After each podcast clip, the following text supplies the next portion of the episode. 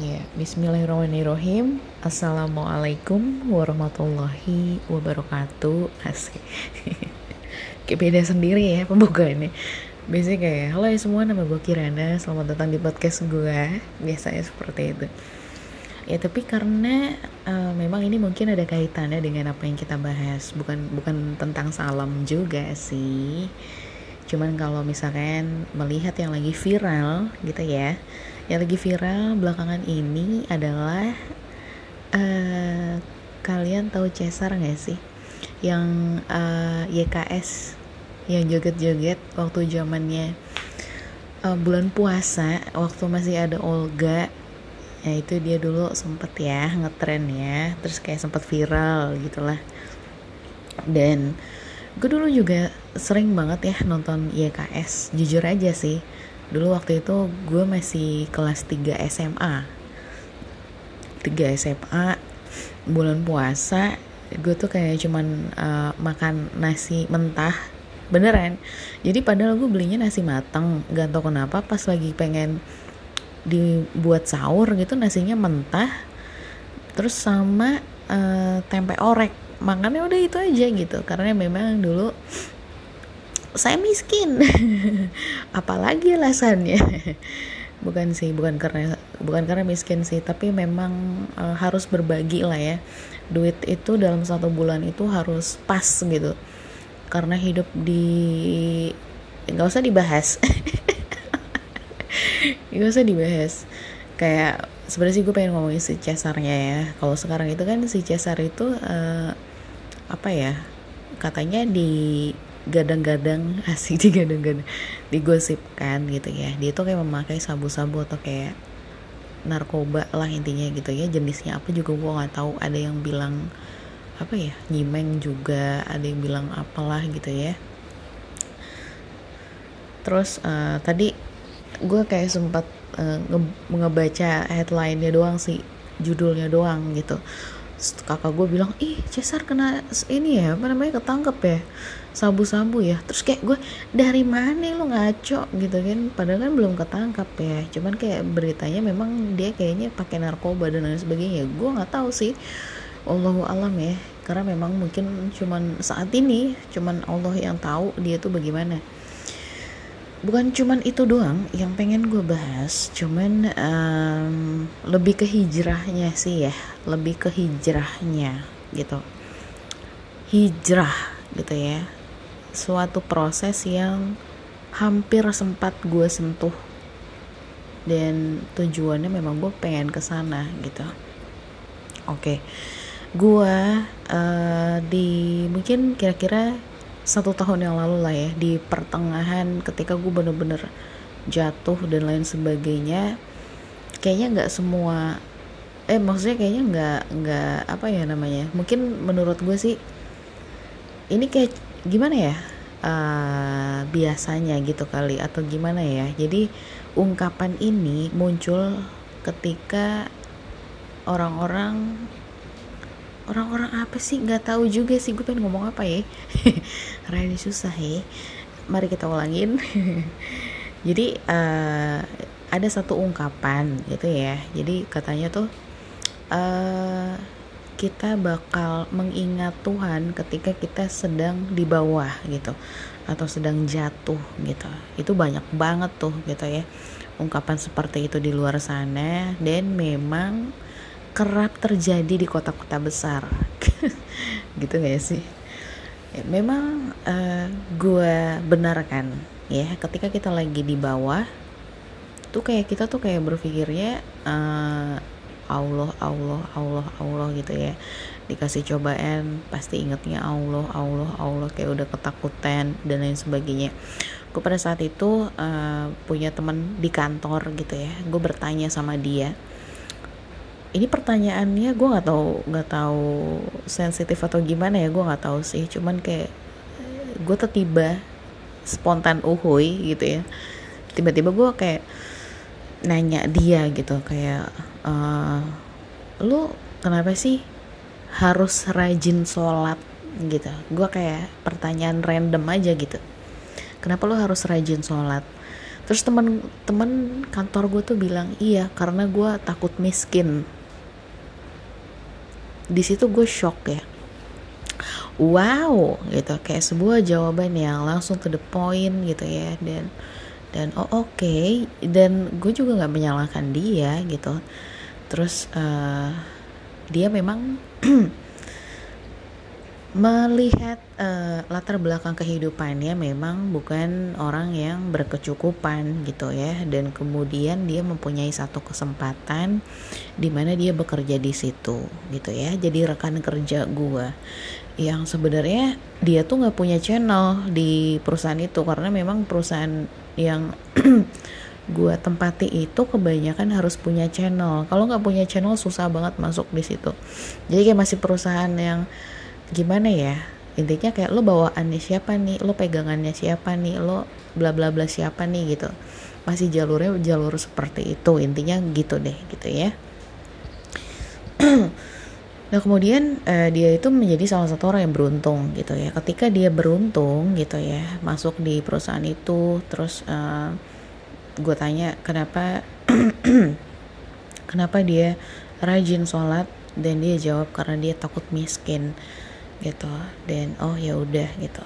Di situ gue kayak udah tahu sih maksudnya uh, dia takut tidak berkecukupan takut Allah itu marah takut Allah itu bla bla bla gitu. Ngerti kan? Ngerti gak sih maksud gue ngerti dong ya?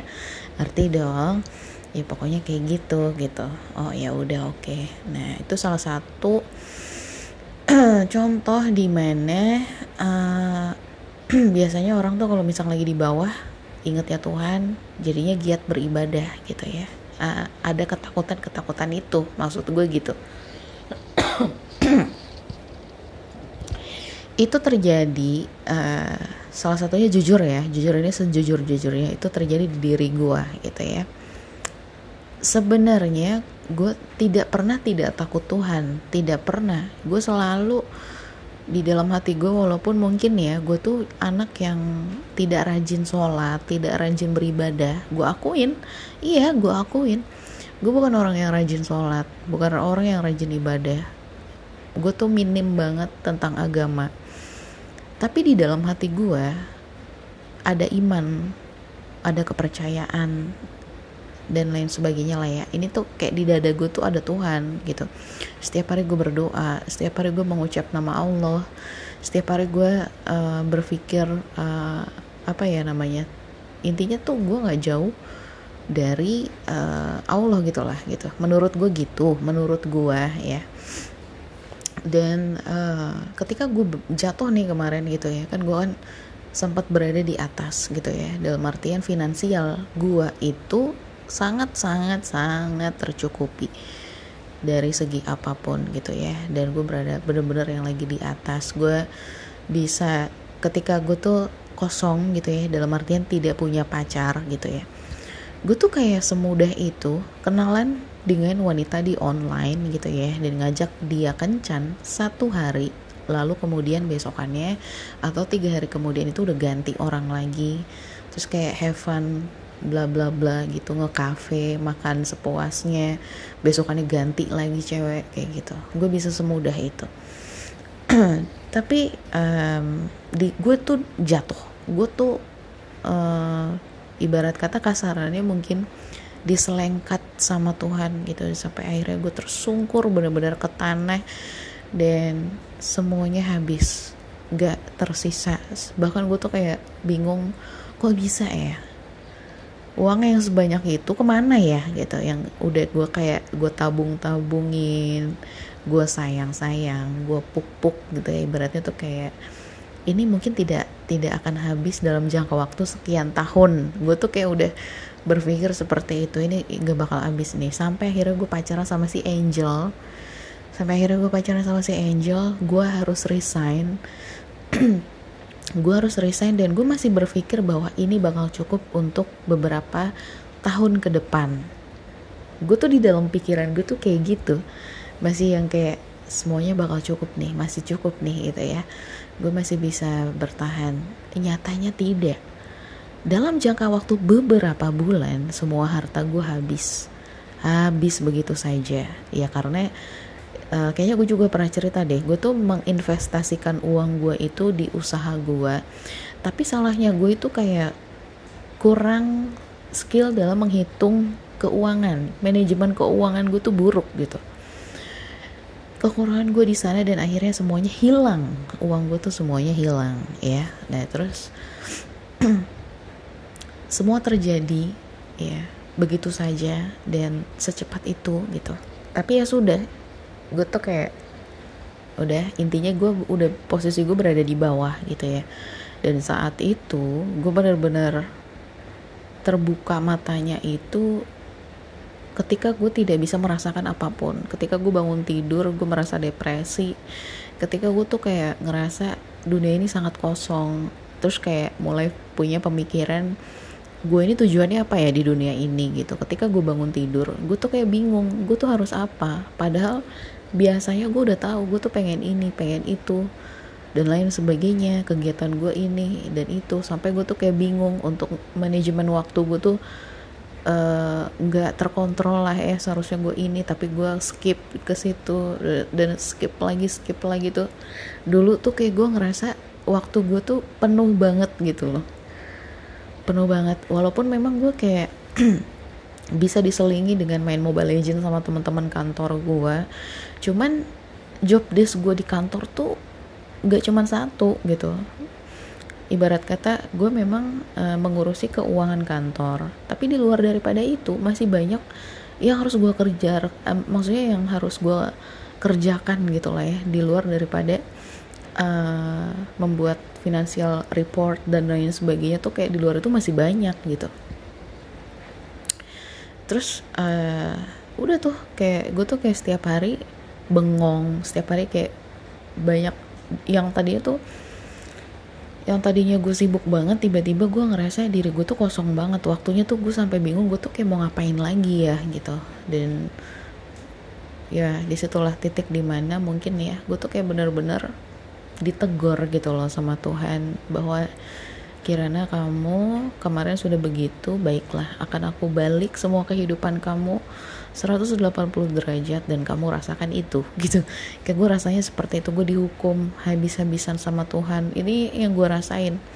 Gue kayak dihukum banget gitu. Gue setiap hari gue nggak berhenti nangis. Makanya gue tuh sekarang lebih sensitif karena uh, ya itu dari kejadian itu dari yang setiap hari gue nangis gue tuh kayak sensitif banget gitu loh. Kalau misalnya seandainya udah ngomongin tentang orang tua gitu ya. Dan gue tuh selalu merasa gue tidak pernah cukup gitu. Gue selalu merasa gue tuh buruk gitu.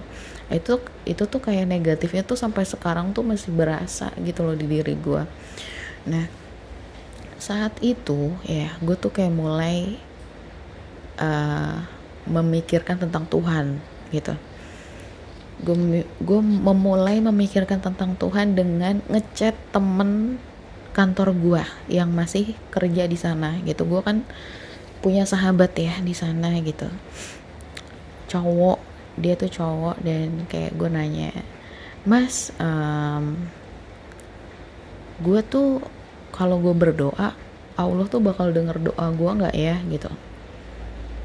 Terus gue nanya mas kalau gue nggak sholat nggak apa-apa kan? Tapi gue ini kok gue berbuat baik gitu mas uh, di bulan Ramadan ini kalau gue berdoa Allah tuh bakal dengerin gue gak sih gitu. Terus kayak kalau misalkan seandainya gue tuh nakal itu Allah masih maafin gue gak sih sebenarnya gitu. Kalau misalkan gue gini pokoknya hal-hal sepele pertanyaan-pertanyaan sepele yang yang itu tuh gue tanyain terus gue tanyain terus sama temen gue itu. Kan memang dia kan bapaknya ustadz ya dan dia tuh Islamnya yang general gitu. Bukan kebetulan tuh dia tuh bukan yang fanatik ya. Dan gue tuh selalu suka jawaban dari dia. Sampai yang tentang covid ya. Tentang covid tuh gue tuh ngobrol banyak sama dia gitu ya. Tentang konspirasi-konspirasi tentang apa yang terjadi di bumi ini kenapa kenapa ada ada virus itu kenapa Tuhan tuh begini kenapa begitu begini begitu begini begitu. Sampai gue tuh kayak oh iya oke okay deh ya udah deh gue jalanin ini. Terus kayak di saat gue bingung lagi mau menuju arah mana gue uh, ngobrol lagi sama dia. Sampai di titik di mana uh, mas kayaknya gue pengen berhijab deh gitu. Nah itu titik di mana pertama kali gue memutuskan untuk berhijab gitu. Ya udah deh gue memutuskan untuk berhijab gitu kan yang tadinya menurut gue hijab itu akan gue lakukan ketika memang gue benar-benar udah siap. Dalam artian tuh kan ini beda-beda sih ya pendapat orang tuh beda-beda. Terserah lo mau mau menilai bagaimana mau punya pemikiran seperti apa itu terserah lo. Tapi ini pure pemikiran tentang gue bahwa uh, menurut gue kalau mau berhijab itu harus dari dalam hati ini basic banget gitu ya. Kayaknya kayaknya semua orang tuh bukan semua orang kayaknya kebanyakan orang tuh uh, berstatement seperti itu. Tapi memang iya gitu. Mulailah dari hati dulu gitu. Kalau misalnya memang udah ada niat udah ada ibarat kata kalau lu lagi bikin rumah gitu ya pondasinya tuh harus kuat dulu. Nah gue tuh kayak gitu. Ada juga orang yang bilang nantilah belum dapat hidayah hidayah itu harus dicari gitu loh. Kalau misalkan lu nggak nyari hidayah ya lu sulit untuk mendapatkan hidayah gitu. Nah terus uh, oke okay deh gitu ya di dalam hati gue gue tuh, kayak bertanya di dalam hati gue gitu. Apakah gue harus memperbaiki diri gue dulu nih? Dalam artian tuh kayak semuanya dari oh gue mulai dari mana ya? Oh ya udah deh gue mulai untuk memagari diri gue dengan gue menggunakan hijab gitu. Oke. Okay. ya udah gue kayak di satu hari gitu ya. Gue tuh masih sama si Angel waktu itu. Gue masih sama si Angel sampai kayak dia tuh bingung ya waktu itu. Kayak lu tiba-tiba banget sih pengen berhijab gitu. Cuman kayak iya gue udah mantep kok gue udah mantep gitu. Gue pengen berhijab gitu. Terus gue sempat diketawain karena style hijab gue tuh menurut dia tuh kayak aneh gitu. Pada saat pertama kali gue menggunakan hijab gitu. Tapi nggak apa-apa itu adalah sebuah salah satu proses ya. Di mana kalau misalkan kan gue senyaman gue dong ya kan? Ketika menggunakan hijab gue tuh sukanya yang kayak gimana ya terserah deh ya. Mau yang biasanya seperti itu ya silahkan aja. Cuman kayak gue lebih suka yang seperti itu gitu. Tapi ya sudah gitu. Toh juga nanti juga berhijab itu nggak kayak cuma satu style kan gitu. Jadi kayak banyak banget style yang bisa dicoba. Ya nggak apa-apa. Cuman dalam hati gue nggak perlu juga diketawain sebenarnya. Cuman ya sudah lah gitu kan terus uh, sudah gue udah berkomitmen untuk berhijab pada saat itu. Terus kayak oke okay, satu tahap sudah gue lewatin. Ini sorry ya tentang si Cesar. Nanti dulu gue bakal cerita tentang gue dulu. Satu tahap telah gue lewatin terus uh, pada akhirnya gue mencoba untuk uh, menambah ilmu ya. Terus kan gue putus tuh sama si Angel gue putus sama si Angel gue sendiri cukup lama. Gue ketemu sama si Risa gitu ya. Gue ketemu sama si Risa sama si Nai gitu ya. Yang paling membuat gue uh, mengubah pikiran gue adalah ketika gue ketemu sama si Nai. Ini kayak salah satu mungkin ketemu dengan Nai itu bisa menjadi salah satu perjalanan spiritual gue kenapa? Karena dia sedikit banyak itu memberikan pelajaran tentang agama gitu. Dan yang tadinya tuh yang menurut gue tuh uh, gue masih samar-samar dan gue mencoba untuk nanya sama dia gitu. Dan kebetulan dia tuh menjadi salah satu orang juga yang apa ya Islamnya tuh general gitu loh. Jadi kayak nggak fanatik dan gue suka itu gitu. Ketika dia ngomong ketika dia menjelaskan ketika dia ngasih gue saran gue tuh suka dan bisa masuk di diri gue gitu. Dan gue tuh kayak oke okay, ini make sense sih. Kayak ini tuh kayak masuk akal sih. Oh iya deh. Oke okay deh. Jadi gue bisa terima gitu. Nah, itulah si Nai gitu ya. Dari situ makanya kan gue suka tuh sama si Nay ya kan. Muncul lah timbul lah gitu ya perasaan berlebih gitu sama dia. Dalam hati gue tuh kayak gue pengen banget dan gue harus ngedapetin dia gitu ternyata salah juga gitu. Itu tuh bukan uh, suatu hal yang harus gitu kan. Karena gue tuh pengen gue gak tahu dia tuh kayak punya magic gitu ya. Ya gue tuh nggak tahu. Gue suka banget sama dia pada saat itu pada saat itu. Dan apa ya sudah gue melewati itu gitu ya. Terus uh, dari situ tuh gue nggak tahu kenapa gue semakin pengen belajar tentang agama abis dari Nai ya. Nah itu gue tuh udah nggak berhubungan sama si Nai pada saat itu. Gue kayak lebih lebih pengen belajar tentang agama gitu kan. Ini apaan sih? Kayak tapi yang bukan secara kitab ya. Ngerti gak kalau belajar agama tentang kitab gue jujur angkat tangan. Yang gue pengen tahu itu masih yang duniawi gitu loh. Ngerti gak sih? Bukan yang karena gini kalau kita belajar agama dan masuk ke dalam kitabnya gitu ya itu kan kayak suatu pendapat yang bisa saja bercabang gitu kan. Karena kan itu kan sudah menyangkut tentang akhirat. Menurut gue sih seperti itu. Cuman kalau misalnya kita nggak bahas tentang pribadi diri seseorang terus kayak intinya kayak gue pengen mengupgrade diri gue dulu nih gitu kan supaya gue paham maunya gue seperti itu akhirnya gue uh, apa ya namanya lebih banyak mendengarkan ceramah di YouTube. Random sih sebenarnya ya. Uh, random banget.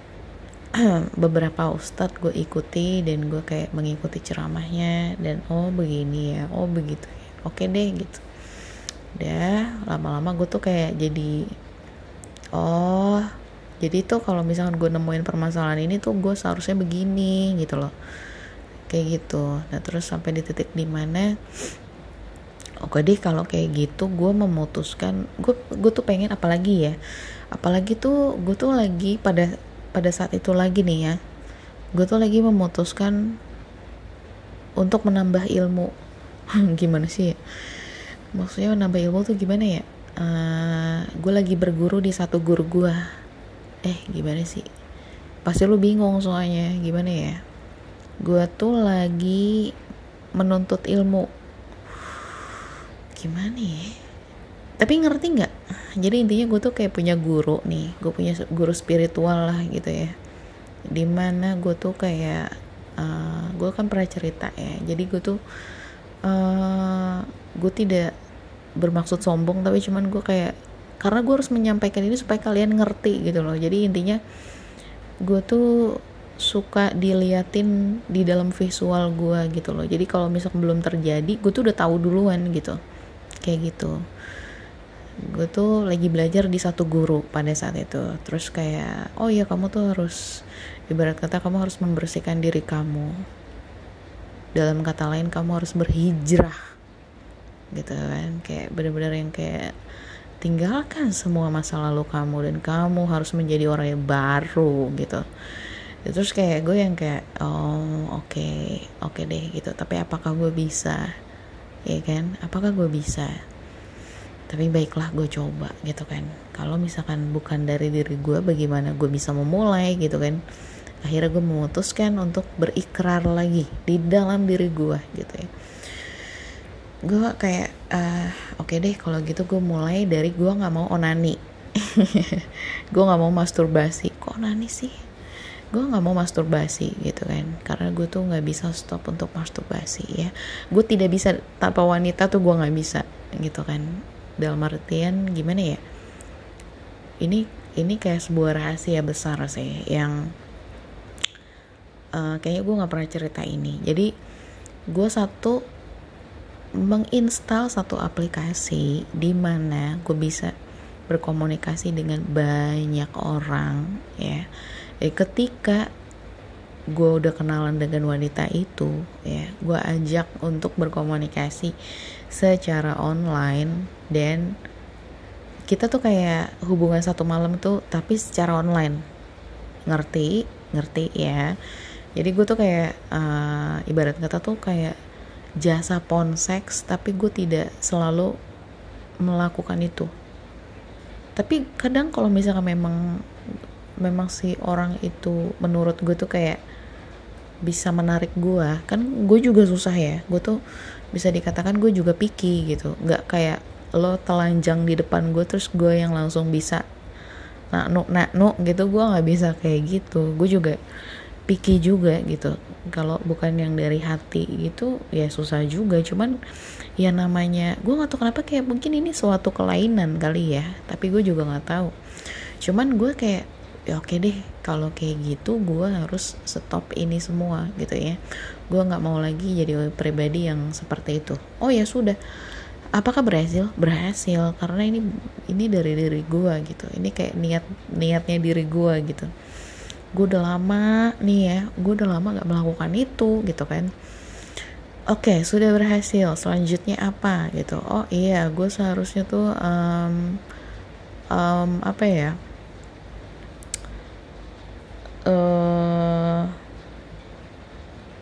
Tidak dengan cewek gitu lah ya. Tidak uh, punya hubungan dengan cewek. Apakah berhasil? Berhasil. Berhasil walaupun sebenarnya gue itu salah satu gue alasan gue jomblo ya itu kan karena memang gue masih belum bisa move on dari Angel ya the one and only gitu kan the winner is gitu kan the winner is Angel gitu kan gue tuh masih yang bukan masalah tentang seks ya bukan masalah tentang tapi cara dia ngetreat gue itu sangat menusuk dada gue banget gitu loh sampai ke jantung sampai ke blok blok blok gitu. Kayak dia tuh ngena banget di diri gue gitu loh ketika dia menjadikan gue ratu gitu tuh kayak ngena banget gitu ya walaupun di luar daripada itu gue juga nggak tahu ya dia tuh bagaimana. Gue juga nggak tahu pribadi aslinya seperti apa gue juga nggak tahu. Tapi cuman bagaimana dia ngetreat gue tuh kayak wow gitu gue suka banget gitu. Pokoknya kayak gitu deh. Itu salah satu gue nggak bisa nggak bisa ibarat kata mempunyai hubungan yang yang spesial lagi dengan seseorang tuh gue nggak bisa. Sumpah gue nggak bisa. Sekalipun gue suka sama contohnya gini ya. Sekalipun gue suka sama si Risa gue nggak bisa tuh. Kayak kita memang pernah pacaran. Gue sama si Risa tuh pernah jadian. Tapi hitungan hari doang. Beberapa hari tiga hari deh kayaknya. Tiga hari terus gue kayak aduh kayaknya ini salah deh gitu. Ya kita nggak usah pacaran deh gitu. Oke udah. Naik bisa nggak kita kayak bener-bener yang kayak punya hubungan ya di luar daripada memang dianya juga nggak mau dan nggak bisa ya. Dia kan nggak bisa tuh karena kan memang dia bukan lesbian kan.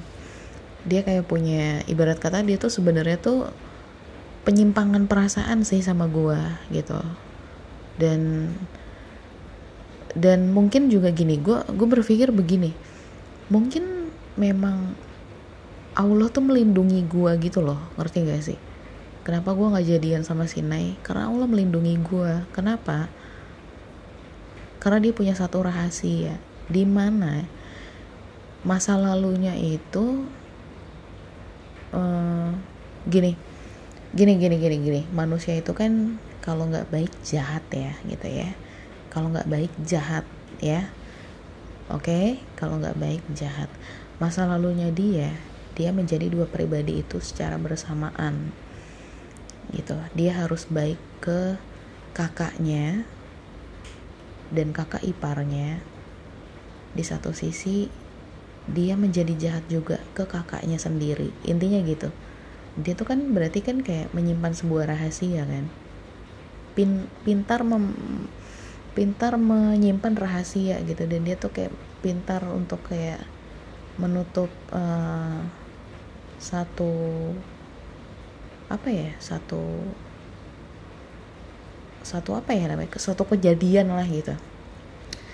Nah gue merasa ketika gue pacaran sama dia ya gue merasa banyak banget hal yang dia tuh ada di dua sisi itu ketika dia pacaran sama gue makanya gue bilang sekalipun dia itu tidak pernah bilang sama gue sekalipun gue tuh kayak terlihat bagaimana lah intinya gitu ya. Gue tuh tahu gitu loh. Makanya Taurus itu ya gue nggak tahu sih semua Taurus apa enggak tapi gue tuh tahu gue tahu sebenarnya. Karena uh, gue bukannya mau sombong lagi nih gue tuh ada yang ngejagain juga. Jadi gue tuh bakal dijauhin kalau memang itu tidak baik buat gue gitu loh. Gue sih berpikirnya seperti itu aja.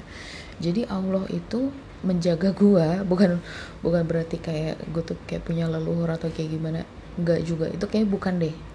Itu tuh leluhur tuh cuman perantara doang gitu. Perantara hidup kita tuh antara uh, dunia dan akhirat tuh ya itu perantaranya tuh leluhur gitu. Menurut gue seperti itu. Tapi yang benar-benar menjaga adalah Allah kita sendiri gitu. Menurut gue seperti itu. Jadi kenapa sekarang tuh gini dulu ya gue selalu bertanya-tanya kenapa ya gue nggak bisa sama si Nai?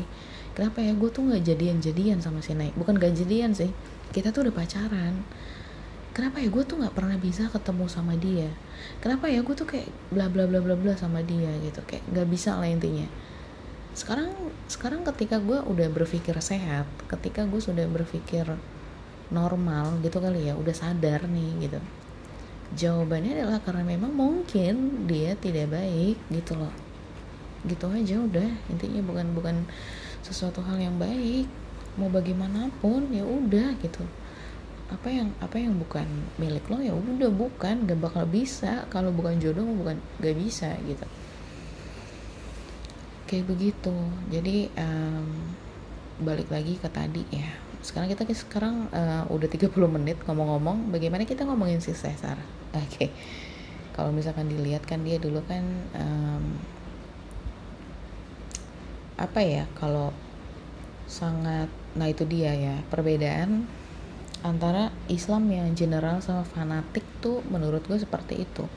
Tadinya gue berpikir oke okay, gue harus berhijrah. Tadinya gue tuh kayak oh gue berarti harus bener-bener yang fanatik kali ya gitu tapi gue nggak mau nggak mau yang terlalu fanatik yang oh iya gue harus pakai cadar oh iya gue harus kayak bener-bener gitu kayak bener-bener ngikutin banget larangan-larangannya. Gue harus kayak ngikutin semua.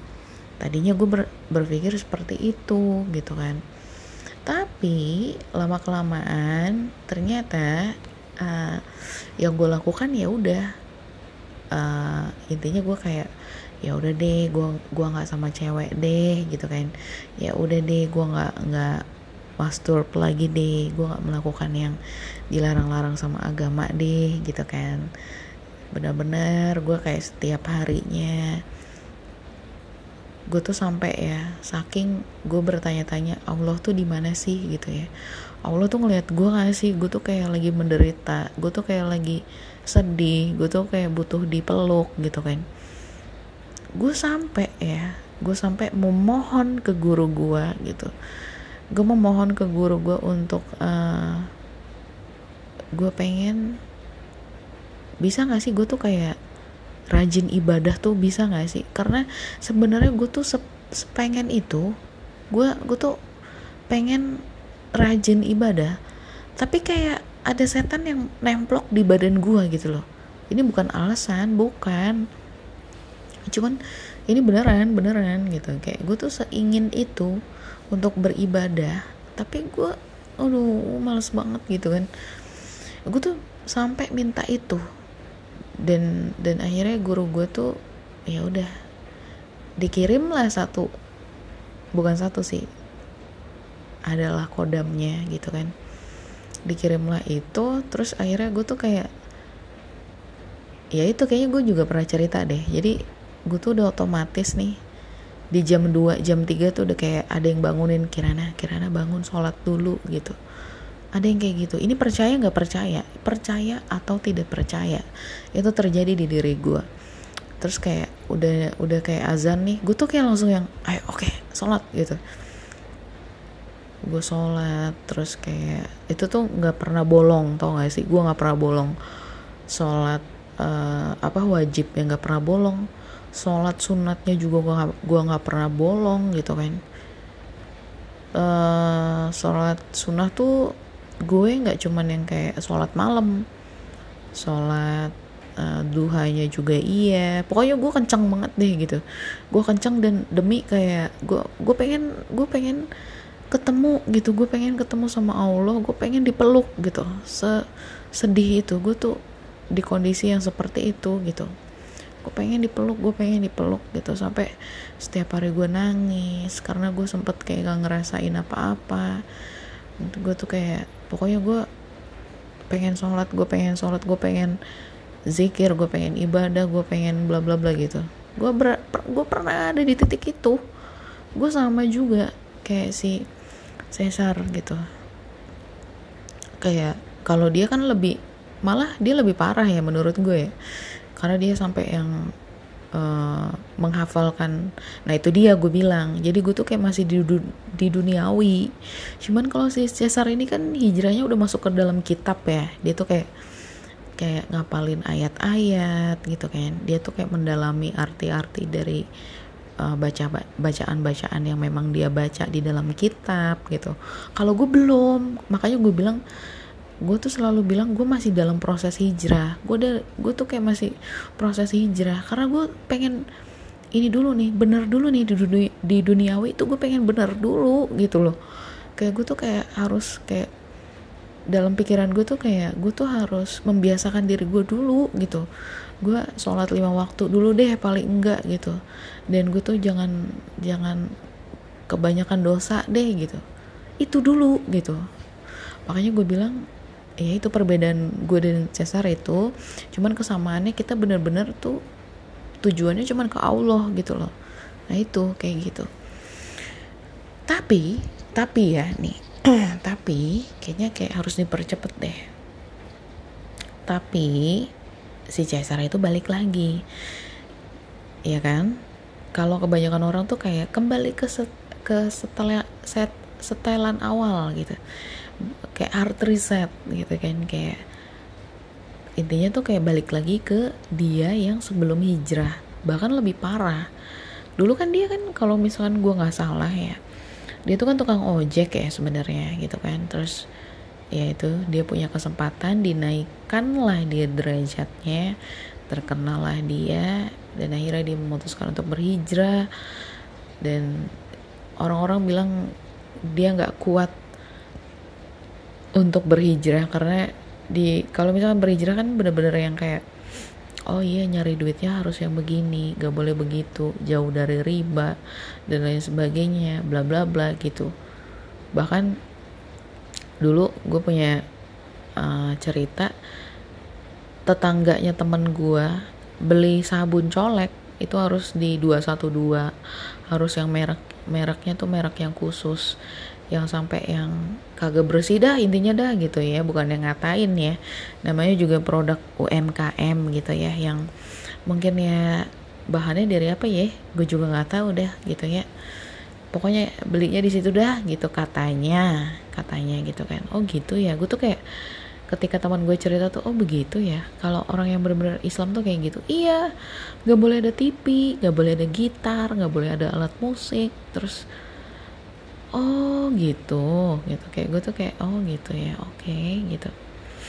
Mungkin ya jasar juga kayak gitu kali kayak banyak larangan-larangan lah intinya ya kayak bener ini berpusat sama uh, agama lah kayak gitu.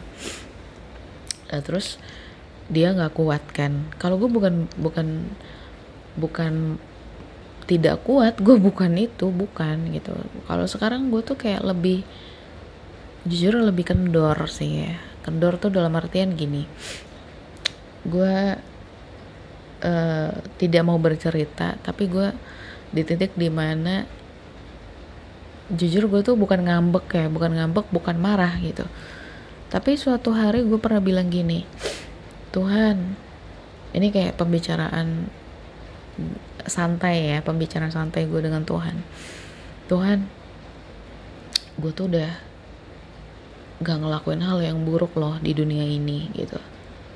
Gue tuh udah melaksanakan semua perintah yang telah engkau tetapkan gitu ya. Gue tuh kayak lurus banget jalan gue tuh lurus banget ya. Walaupun mungkin dalam ibadah ibadah tuh misalkan gini yang ngaji itu gue masih kurang. Gue tuh kayak untuk memahami agama mungkin gue masih kurang tapi gue udah berusaha loh gitu. Gue udah udah seberusaha sebegininya gitu. Tapi kenapa? Kenapa engkau masih yang kayak menghukum gue gue tuh kayak masih ngerasa Tuhan tuh menghukum gue bertubi-tubi gitu. Gue tuh kayak masih yang kayak kenapa sih? Gitu. Gue tuh gue harus apa? Gue di titik di mana gue tenggelam nih tangan gue tuh udah kayak menggapai-gapai entah apa terus kayak mulut gue tuh bilang tolong tolong tolong gitu. Gue tuh udah begitu sumpah. Gue tuh udah udah yang kondisi gue tuh udah yang kayak gitu ngerti kan lo? Udah yang kayak tolong gue tolong tolong tolong. Nggak ada yang nolongin gitu kan nggak ada yang nolongin gue gitu. Bahkan ketika gue gue tuh udah mulai seneng loh ketika gue ketemu si Nay gue mulai seneng karena ada satu napas di mana gue tuh kayak tarikan napas itu yang akhirnya membuat gue hidup. Walaupun gue tuh pas sama dia sirkulasi udara gue juga nggak selancar itu karena kita sering berantem juga gitu. Tapi setidaknya gue masih bisa bernapas gitu. Tapi dia pergi ya dia pergi terus kayak yang gue semakin oksigen gue tuh di leher gue tuh semakin mencekik gue mencekik gue mencekik gue gitu. Rasanya seperti itu. Dan gue gue bilang gini uh, Tuhan ya udah deh gue bakal biasa aja. Gitu. Gue bakal biasa aja. Gue uh, bukan suatu kekecewaan sih gimana ya? Ini kayak susah sih susah susah digambarin ya susah digambarin tapi setelah itu setelah, setelah kejadian di mana gue tuh kayak menyampaikan semua isi kepala gue gue lebih sensitif orangnya. Dalam artian kan gue tadinya kan ini bukan berarti mendahului uh, Allah ya bukan jadi gue percaya semuanya itu sudah ditakdirkan ya. Ketika gue melihat masa depan dalam artian kayak apa pun apa yang belum terjadi di, di, di diri gue gitu ya. Apa yang belum terjadi di diri gue gue tuh udah tahu dan yang ngasih tahu itu Allah. Gitu. Jadi bukan berarti gue mendahulukan Allah bukan gitu. Kayak gue tuh udah tapi gue nggak bilang sama siapa siapa kok gitu kan. Makanya gue tuh itu gitu loh. Gue daripada gue nanti gimana gimana gitu ya. Contohnya contohnya gini. Nyokap gue kan pulang ke Jogja nih gitu ya. Kemarin nih belum lama gitu ya. Perasaan gue tuh udah campur aduk banget.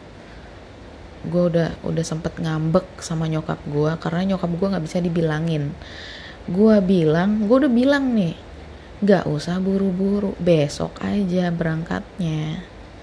Gue udah bilang. Kenapa sih dalam gue tuh kayak setiap gue ngasih tahu nyokap gue nyokap gue tuh batu banget emang Capricorn nih emang. Nggak sinai nggak si mak gue tuh kayak batu banget gitu.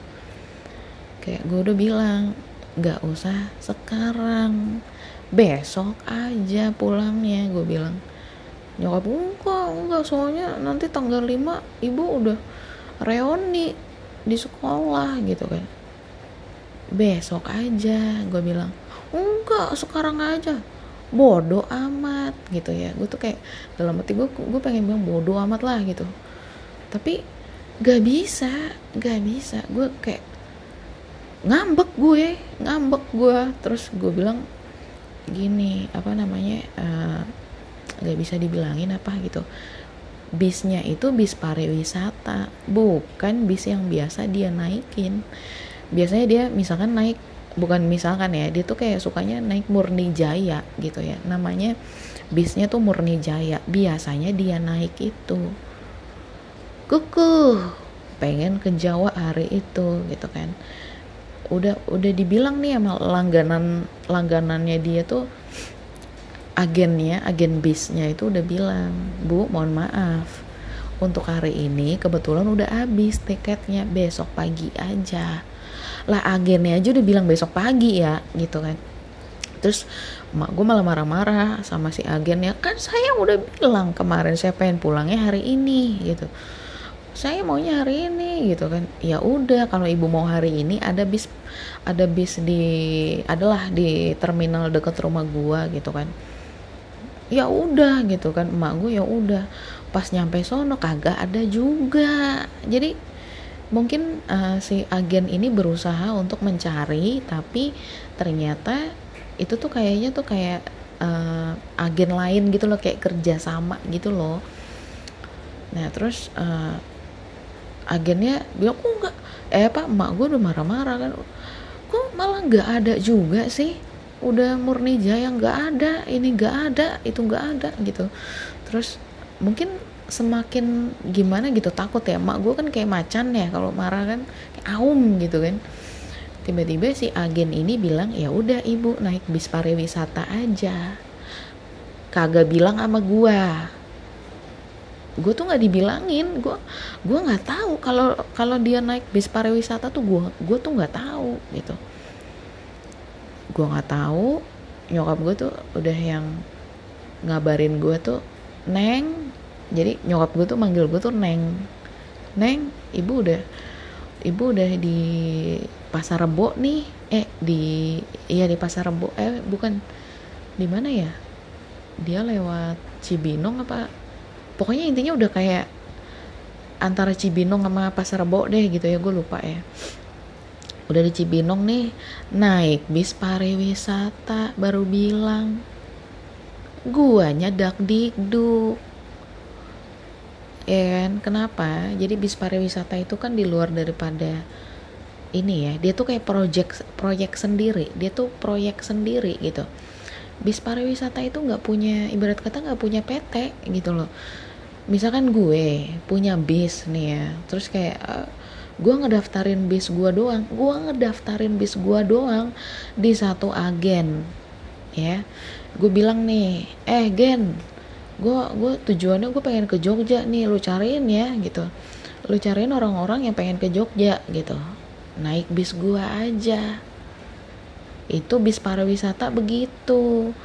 Kalau kalau ada kecelakaan amit-amit ya itu sopir bisa kabur kagak ada identitasnya kagak ada apa gak ada.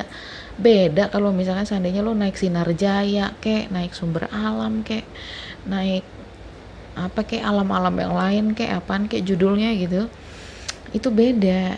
Jadi kalau misalkan staff ibarat kata driver yang udah jadi staff itu pasti punya identitas gitu ya. Terus juga memang ibarat kata udah tercover dari segi apa pun lah. Ya tercovernya gini udah punya pengalaman yang memang dia tuh supir bolak-balik lah bukan cateran bukan yang gimana-gimana intinya bener lah drivernya gitu loh. Ternyata nyokap gue kecelakaan di tengah jalan. Jadi dia lagi pengen naik di tanjakan depannya tuh kayak ada elep gitu ya mobil pariwisata kecil gitu ya minibus gitu. Remnya blong nabrak mobil apa namanya bis yang ditumpangin sama emak gua. Emak gua nomor 4 di belakang sopir. Gua dak dikduknya udah sampai makanya gue tuh kayak udah pas nyokap gue bilang iya nih ibu naik bis pariwisata. Gue udah oke okay, warung tutup semua. Gue bilang gitu warung tutup udah. Bodoh amat gue nggak peduli gitu. Gue perasaan gue udah nggak enak perasaan gue tuh udah nggak enak. Kayak semua semua tutup ya gitu. Gue minta tolong sama si kakak ditutup aja ditutup. Udah gue nggak mau jualan lagi gitu.